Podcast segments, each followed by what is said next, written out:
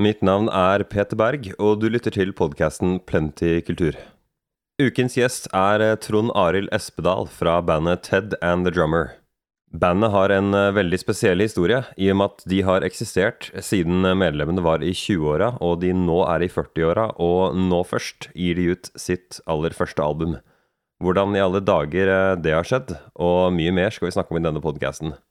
Jeg tar en prat med Trond Arild om eh, alt fra frykten for å feile, til eh, musikk med dybde og flere lag, og hvordan han var i et eh, såkalt munnhuggeri med Liam Gallagher fra Oasis for en lang tid siden. Men aller først skal du få høre et lite klipp av låta 'Building an Empire', som er tittellåta på bandets aller første album.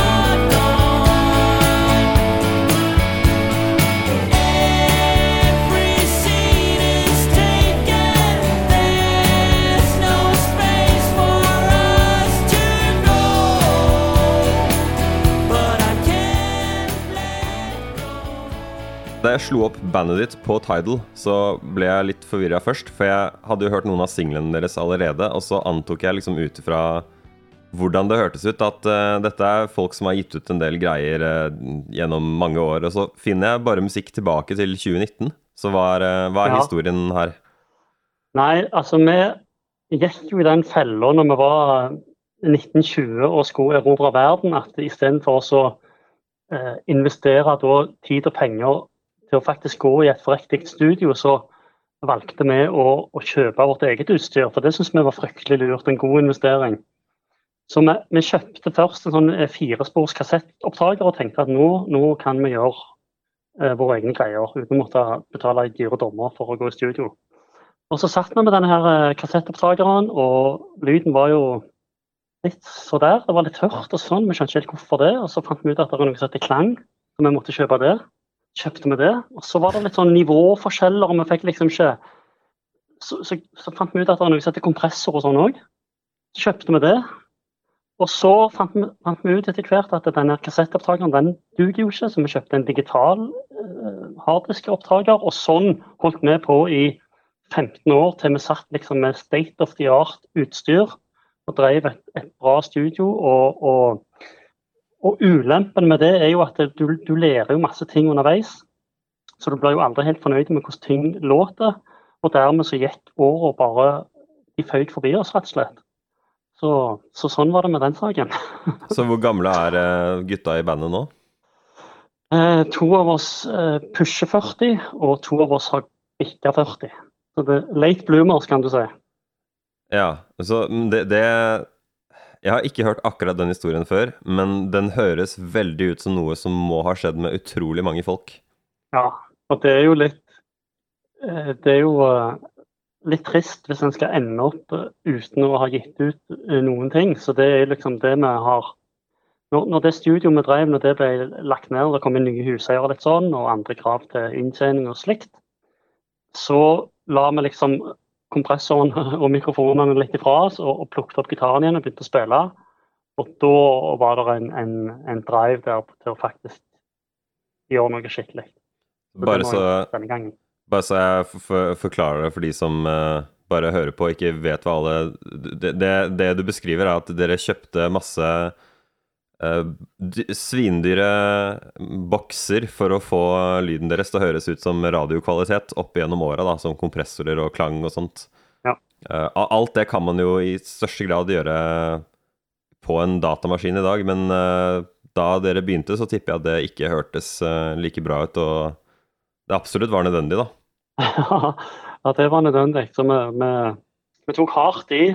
Så det var, det var liksom state of the art-utstyr etter hvert.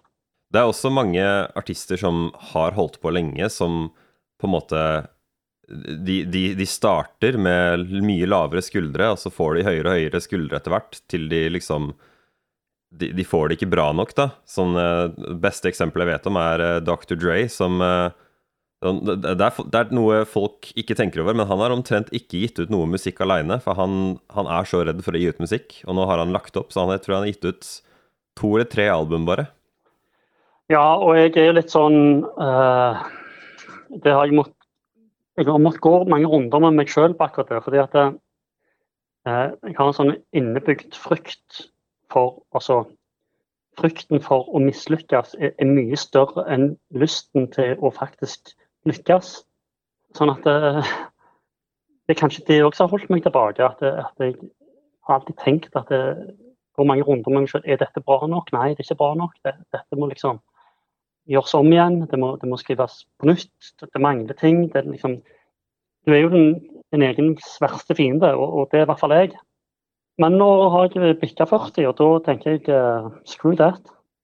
Ja. Bare, jeg er bare 29, men uh, jeg merker liksom uh, at det, det, begynner å bli for dumt å holde mine egne frykter på en måte i veien da, for å prøve ting jeg egentlig har lyst til. Det blir mer og mer, så jeg kan, kan bare tenke meg at ja, legg på noen år, så har du fått uh, guts, enten du vil eller ikke, liksom, til å prøve. ja, ja. Og du kan liksom ikke please alle, og du skal liksom ikke være venner med alle. Du, du må, må, ikke tenke at det du lager eller det du gir ut, skal liksom treffe absolutt alle. Det er folk som vil like dette, det er folk som vil mislike det. og ja, Det får bare stå som prøve, tenker jeg. Ja, absolutt. Og så er det én ting som jeg egentlig bare vil ha ut av veien, og, og det er fordi da jeg snakka med mm, godeste, godeste herr Morten Bakke, som eh, sendte meg presseskrivet deres, så sa han at mm. jeg måtte spørre deg om et eller annet med Oasis, og så googla jeg det, og fant ut at det var egentlig ikke veldig mye annet som sto på nettet enn eh, setningen 'munnhuggeri med Liam Gallagher' fra Oasis. ja. Ja, det er litt sånn uh, nisselue-historie, og litt sånn en historie som jeg, uh, jeg, jeg får ikke vondt i magen av den lenger, men jeg gjorde det. Men uh, historien var jo litt sånn Jeg husker første gangene jeg, jeg fortalte historien, så siktet jeg ned i gulvet liksom. Var litt flau for dette her, men folk lo. Så da, ja, ja, da ble det liksom en historie å, å ta med seg. Men det var på Kvartfestivalen i 99-2000, så skulle, skulle de spille. Og så hadde jeg en kamerat som jobbet som artistansvarlig der nede, og blant for de da, så han, han ordnet liksom alt det som skulle ordnes for dem, både legalt og illegalt, ettersom jeg forsto det. Uh, han sendte meg en melding at hvis du vil treffe Oasis, så må du møte opp utenfor Hotell Ernst klokka da og da. Og når du er sånn 1920 og på festival, så, så frokosten består ofte av alkoholholdig drikke. Og det gjorde han òg for oss den dagen. Så vi var, vi var, vi var motiverte for å treffe han, var det sånn? Sånn at, eh, Og vi traff han. Vi fikk, hadde sånn engangskamera eh, som vi hadde på den tida, og tok bilder med han og sånn. Det var helt topp. Men så var det jo litt kjipt da at jeg ikke liksom fikk vist han sangene mine når, jeg, når han først var der. Så, så det syns jeg var litt kjipt. så da kroppet vi opp i resepsjonen, syntes det var en god idé fortalte hun i resepsjonen det at uh, han hadde lovt meg det, at jeg skulle få vise noen av sangene. Og hun kunne jo selvfølgelig ikke hjelpe med noen ting. Men det sto en i crewet til Oasis og hørte dette her, som jeg sa. Så spurte han da på engelsk hva, det går i, for han hadde plukket opp at jeg snakket om Liam Oasis sånn. Og så Han nikket bare. Hun syntes nok det hørtes rart ut at, eh, at han hadde lovt meg noe sånt. Men vi gikk ut og gikk nedover gata, og så plutselig plystra han oss opp igjen, han, han som vi møtte i resepsjonen. Ut forbi en karavelle. Og inni der satt Ryan Gallagher. Og han fråda rundt munnen så forbanna med han. så, så smeller de fra Ryan Gallagher da. You fucking liars. I never promised you anything but a fucking photograph. og da, da er liksom gode råd dyre for en uh, eh, 19-åring på en siltebris. så uh, jeg fikk vridd om liksom, til at But, but uh, Mr. Gallagher, you misunderstand. Jeg fikk vridd om til at uh, jeg hadde lovt meg sjøl å vise han sangene mine. Det var ikke noe mer enn det. Og så kjefta han litt til, kalte meg wanker og det ene med det andre, og smalt igjen døra og kjørte av gårde. Så det var liksom eh, Det var en litt nedtur, da, etter vi hadde tatt bilde med han. Så, det, som jeg kom, det som jeg kom på her for noen dager siden, det var dette engangskameraet som vi har tatt de bildene, men vi ville jo framkalle dette bildet ganske kjapt, sånn at vi kunne, kunne brife på festivalen med at vi faktisk hadde møtt han. Så vi måtte ta noen bilder for å bruke filmen. da. Og da tok vi liksom noen bilder av oss sjøl, og de bildene der de er ganske beskrivende for hvordan vi hadde det etterpå. det var blytungt. Det var sånn halvhjerta forsøk på å se glade ut sammen, da, og Ja, det var, det var, ikke så kjekt. Men det, det, ble en historie, i hvert fall. Ja, nei, men uh, jeg har uh, Altså, jeg kan ikke fortelle noen historie som er halvparten så kul som involverer en kjendis. så tenker jeg liksom at Liam Gallagher er også bare en fyr, og han har gode og dårlige dager, og ja, mis, jeg kan se for meg du mister eh, Jeg har liksom hørt sånne historier om uh, heltene mine, da. Ja. Sånn uh, folk jeg liksom tenker alltid er snille, men så er det alltid en eller annen fan som har en historie at uh, jeg møtte han, og han var kjip, ass, liksom. Så Ja, men, men, sånn Jeg tenker sånn tror jeg gjelder for mennesker generelt. Ja. At alle mennesker har dårlige og gode dager. Og det er klart, jeg har vært sur i, i, i køen på ei ferje, jeg, på en måte. og, og Kommer det da noen og sier noe til meg, så kan det godt være jeg glefser til de jeg òg, som alle mennesker kan godt gjøre. Sånn at eh, En skal liksom ikke tenke da at fordi du har en historie om at han har kjefta på noen, at det er ensbetydende med at vedkommende er sånn. tenker jeg. Ja. Jeg ville jo aller mest snakke om låtene på debutplata deres. Jeg bare følte jeg måtte spørre om uh, den, den, historien her. Um. Men ja, endelig har dere fått lagd ei skive er det Føles det surrealistisk, eller? Jeg kan bare se for meg det, da. Ja, nå, har vi liksom jobbet knallhardt i halvannet år med å få albumet på plass. Vi har lagt, jobbet med, med preproduksjon, vi har skrevet ferdige ting, vi har skrevet nye ting. Vi har jobbet med, med tekst, vi har jobbet med, med alt. Og, og, da når det plutselig kommer, er, er ute der, og, og det ligger liksom ingenting uh, future releases i Spotify og liksom alt det bare Nå er det liksom ute der, så er det litt sånn uh, det, er, det er ganske merkelige følelser å ha det, ha det der ute. Mm. Men samtidig utrolig deilig. Endelig.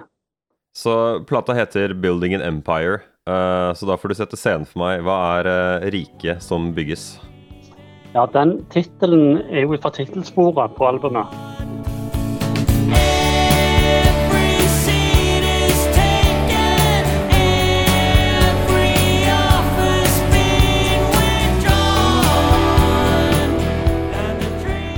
Det er litt sånn ironisk, egentlig, for dette tittelen. For det, handler jo om alle drømmene som vi alle har, som ikke alltid blir realisert. Så alle, alle oss bygger jo våre egne liv og våre egne imperier, om det være seg jobb eller uh, arbeid, ja, altså nettverk og venner. Og, så låten handler jo om, om alt det som ikke engang ble sånn som du hadde tenkt. Sånn at det imperiet du så for deg når du var 1920, på hvordan livet skulle ta seg ut, så ble det kanskje ikke helt sånn. På godt og vondt. Og det er jo litt eh, Livet er jo så tilfeldig. Hvordan enkle valg får liksom konsekvenser senere i livet. Mm. Eh, så det er jo ikke et imperie sånn Et stort imperium skal bygges. Det, det er mer livet generelt, tenker jeg. Ja, ja.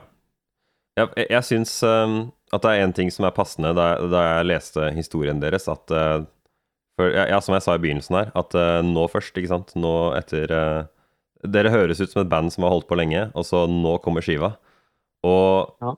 i den låta, i den tittellåta, da, så syns jeg at dere har gjort noe som passer, og det, det er at det høres ut altså Når vokalen kommer inn, så høres det på en måte veldig sånn in medias res ut, hvis du vet hva det betyr. Altså at hvis, hvis, du starter midt i handlingen, på en måte Det høres ut som plutselig er du midt i handlingen av sangen.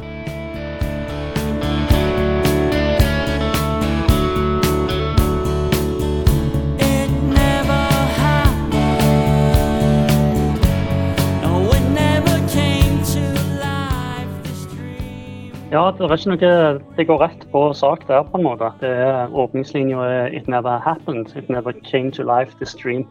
Og det er liksom det er rett på sak der. ja, det er også melodien. Det høres ut som på en måte det er, eh, det, det er også noe man hører hvis man, man kan ha det i bakhodet hvis man hører på plata deres, at flere ganger så starter dere gjerne låta liksom bare akkurat med det dere ville si med en gang. Uh, og ja, det, det, føles liksom på en måte som du blir droppet rett i låta, da. Det er ikke så farlig liksom med en lang intro. Nødvendig. Det er noen av låtene som har det, men det er noen av låtene som virkelig ikke har det. Ja, vi har jo prøvd å lage et, et album som type album som vi sjøl liker, og den variasjonen der har liksom vært litt framme i, i pannen hele veien. på at det, Start låtene litt forskjellig, avslutte litt forskjellig, men samtidig ikke, ikke overtenk det. Mm. Så, så, ja. Mm. ja. Det er jo en livslekse, det. Å uh, bli uh, Å bli en moden nok kunstner til å prøve å bare gjøre ting uten å tenke for mye.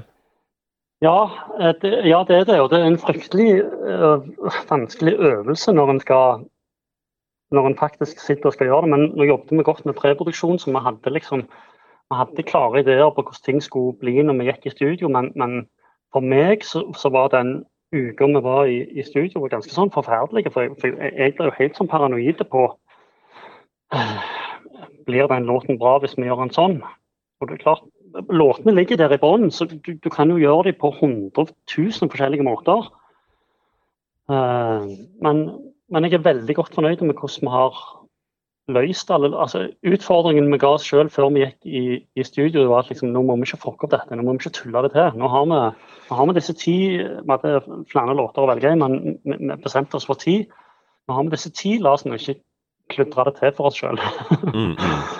uh, jeg vil også nevne låta 'Sleepwalker'.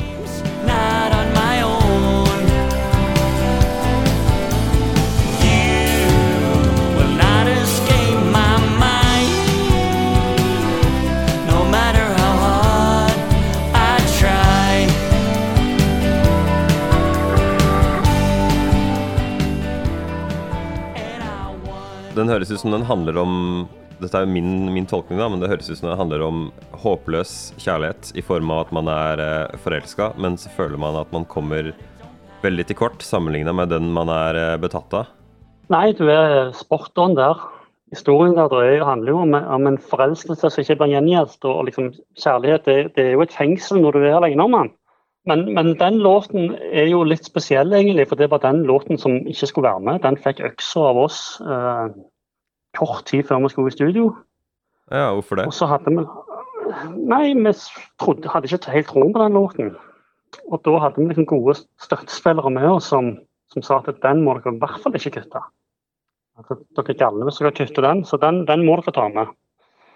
Så da gjorde vi jo det, da, og så ble han, ble han som han ble. Og vi er veldig godt fornøyd med den. Det er jo en straight forward. Uh, det er ikke noe hokus pokus-låt, rett på sak jeg, jeg syns den låta er et uh, godt eksempel på måten du synger på. Den går fra veldig forsiktig til veldig Altså nesten ropende når du synger høyt. Uh, og jeg får liksom ja. inntrykk av at du som vokalist Du er ikke så interessert i å høres ut som uh, noen klassisk trent Freddie Mercury når du skal ta i.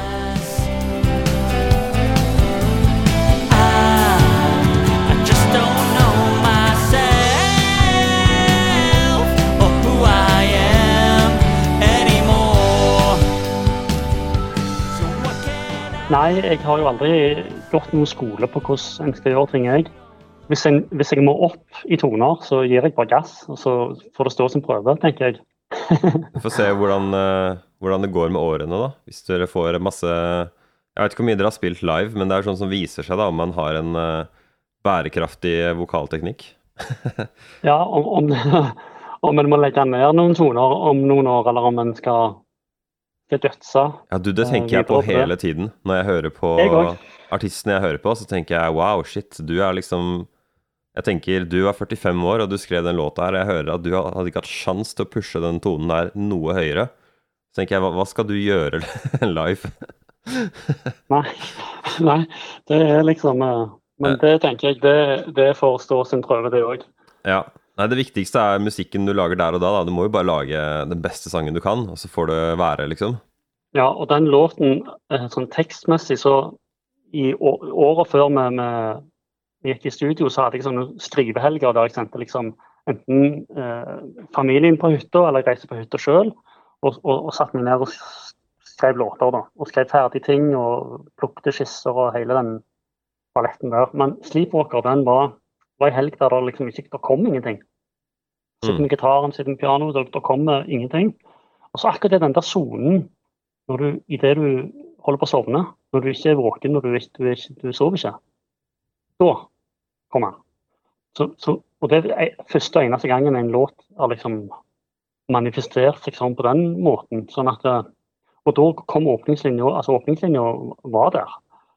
Eh, så da var det liksom komme seg opp, plukke akkordene, få den på iPhonen og så skrive en tekst ut ifra my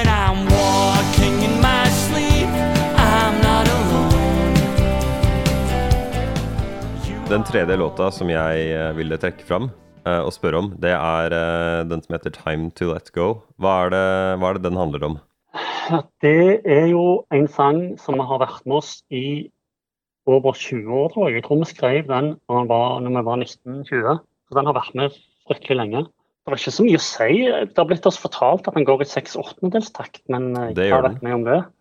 Ja. 1, 2, 3, 4, 5, 6.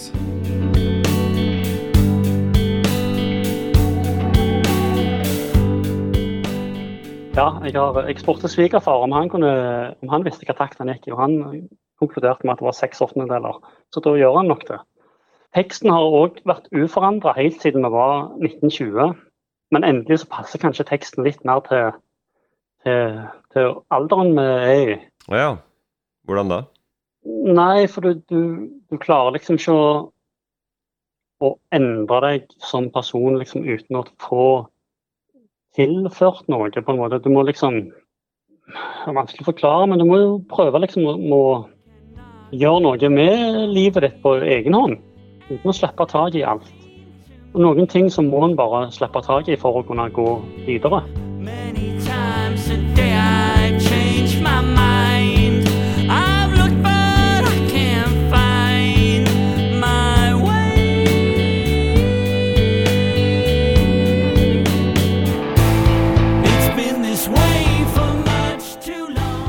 Ja, nei, men det har jeg opplevd selv, liksom. At uh, det, er, det, er det å innrømme liksom at uh, ok, det der kommer jeg sannsynligvis aldri til å gjøre, så kanskje fint å liksom slutte å ha den bagasjen, at uh, det skulle jeg gjort. Ja. Slipp opp. Ja. Det, det, er noe veldig Paul McCartney med refrenget her, og det er spesielt slutten som får meg til å synes det. Not that strong.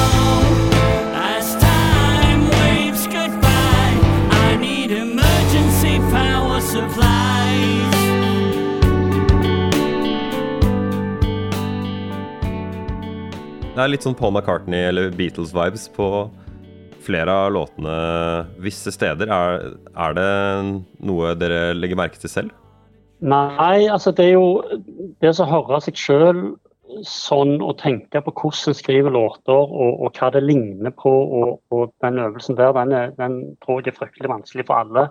Men du skal jo ikke stikke under en stol at det, det jeg har hørt desidert mest på, siden jeg var eh, en liten gutt, er jo Beatles. Jeg husker jo ennå når vi kjørte til, til campingvogna vår oppe på fjellet, liksom at, at, pappa hadde en sånn en samling med Beatles-kassetter. Og jeg husker ennå hva som skjedde i meg når jeg hørte Hey Jude og, og slutten på Hey Jude.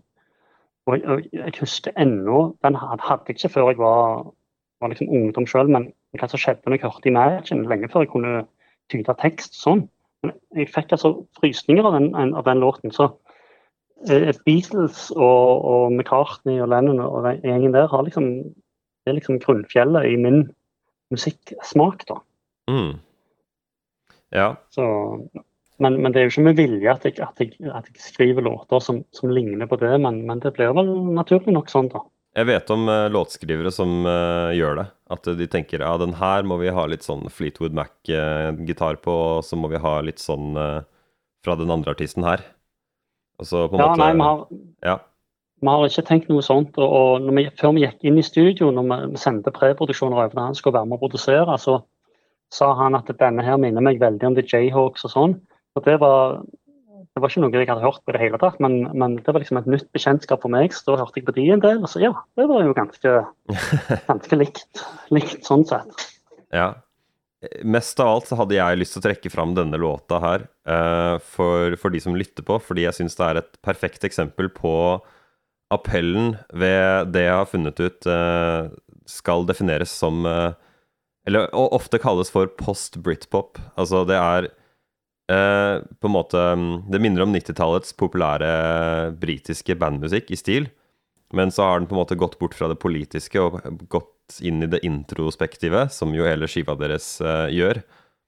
Eh, og ikke minst så har denne sjangeren her noe veldig felles med jazz for meg, og det er at enten så syns folk det er bakgrunnsmusikk, eller så blir de virkelig revet emosjonelt med av det de hører. Og så er det ikke så mye imellom.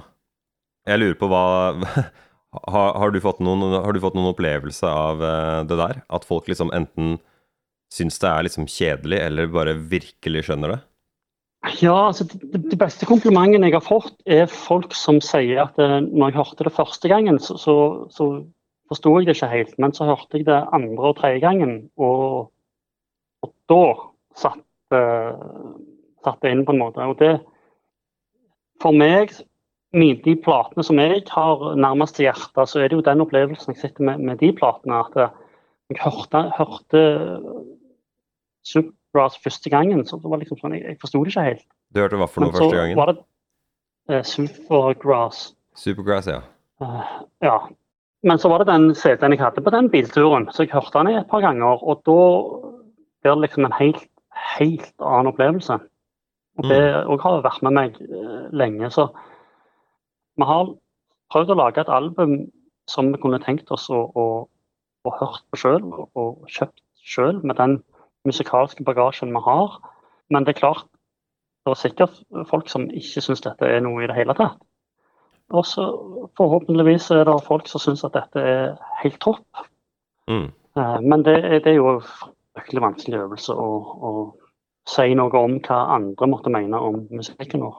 Jeg tror, eh, hvis jeg tenker meg om, så det, det som gjør at du på en måte kanskje ikke tenker så mye over det første gang du hører det, eller at du på, på en måte ikke eh, connecter på et emosjonelt nivå med liksom For det er egentlig veldig mye følelser. Er, for meg er det det som er essensen i det, det landskapet som dere befinner dere i. At det er liksom det er det du er der for. Men det er litt misvisende for en som på en måte ikke er vant til det, fordi du hører rockegitarene med vreng, og du hører trommene og, og alt det der, og så tenker du liksom at du skal føle sånn på en måte at du får lyst til å sitte og nikke hodet og liksom rocke ut litt, da. Men så er det ikke det det handler Ja. om. Og så, fordi det er jo Hvis det er det du tror du skal få, så er det jo veldig flatt og kjedelig. Men hvis du på en måte tenker at du skal virkelig høre på følelsene, da tror jeg du har en god mulighet til å forstå det.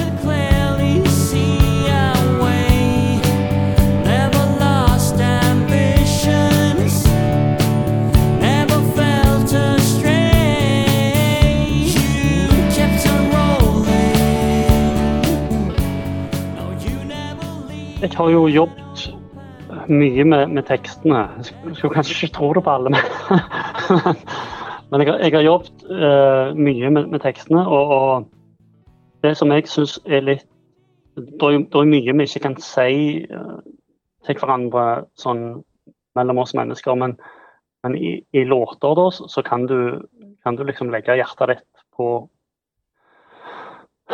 du kan, du kan synge med hjertet utpå, på en måte. Du kan prøve å, å si det du, det du tenker og tror om ting.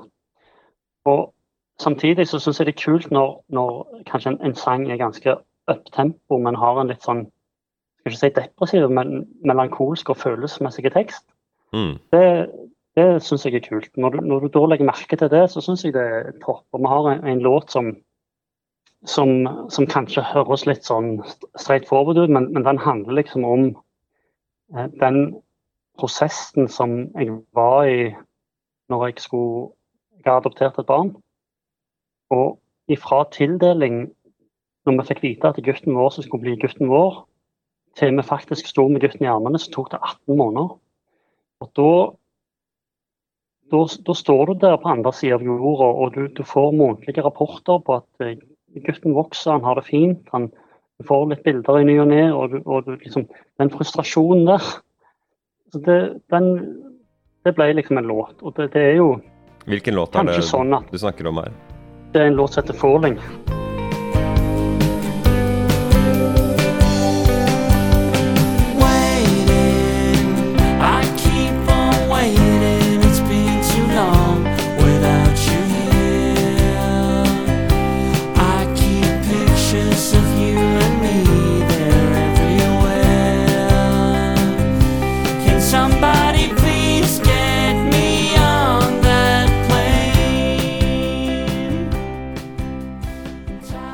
I, i det du liksom får den bakgrunnshistorien på hvor, hvor såret den teksten egentlig er, og hvor, hvor fortvilende det var i den situasjonen, så, så får kanskje låten en helt annen betydning.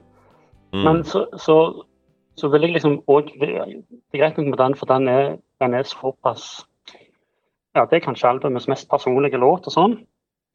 Men, men det er interessant hva som skjer med en låt når du, når du får vite historien bak låten, tenker jeg. Mm. Men uten at jeg skal fortelle historien på, på alle låtene, for en skal liksom ikke frarøve folk å danne seg sine egne opplevelser rundt det. Eh, sånn eh, sånn til, til slutt her. Dere har jo endelig fått ut eh, altså du, du kaller det selv for et About Fucking Time-album. eh, og da tenker jeg, nå som det har blitt eh, About Fucking Time, hva skjer eh, videre? Vi tenker oss at vi skal ut og spille når det åpner opp sånn på sensommeren i gang. Vi kjører en releasefest, tenkte vi, sånn kanskje slutten av august. Og så tar vi det, tar vi det derfra. Så får vi se hva respons vi får på albumet, hva, hva, hvordan vi klarer å få det ut blant folk.